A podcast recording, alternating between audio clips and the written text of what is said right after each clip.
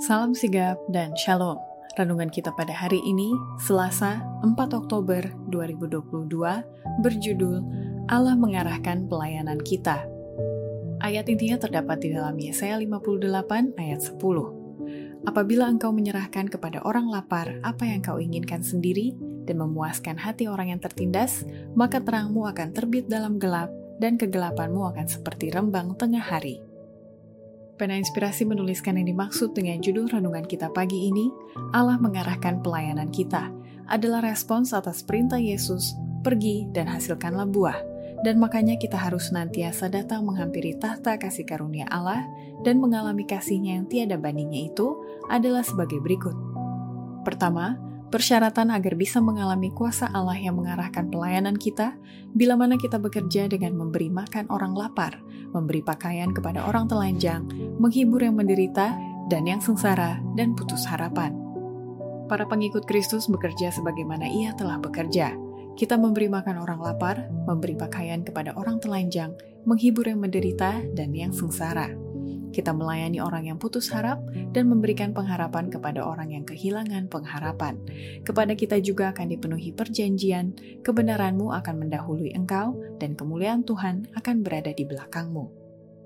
Kedua, persyaratan agar bisa mengalami kuasa Allah yang mengarahkan pelayanan kita, bila mana kita mau menjadi agen moral yang dilengkapi dengan kesanggupan yang harus dipertanggungjawabkan kepada Allah.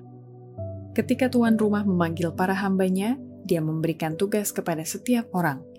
Seluruh keluarga Allah terlibat dalam penggunaan harta Tuhan. Setiap orang, dari yang paling rendah dan tak dikenal sampai kepada yang terbesar dan diagungkan, adalah agen moral yang dilengkapi dengan kesanggupan yang harus dipertanggungjawabkannya kepada Allah. Ketiga, persyaratan agar bisa mengalami kuasa Allah yang mengarahkan pelayanan kita, bila mana kita mengeluarkan buah roh dan tindakan kasih sejati yang membawa diri kita lebih dekat kepada Yesus. Kristus menuntut kita supaya mengeluarkan buah, yaitu perbuatan baik, kata-kata lemah lembut, perbuatan kebajikan, penghormatan yang lembut kepada yang miskin, yang berkekurangan, dan yang sengsara. Apabila orang menaruh simpati kepada orang yang patah semangat dan kesedihan, bila mana tangan diulurkan kepada yang berkekurangan, bila mana diberikan pakaian kepada yang telanjang, tamu asing disambut di dalam hatimu, malaikat sangat dekat, dan jawaban diberikan dari surga.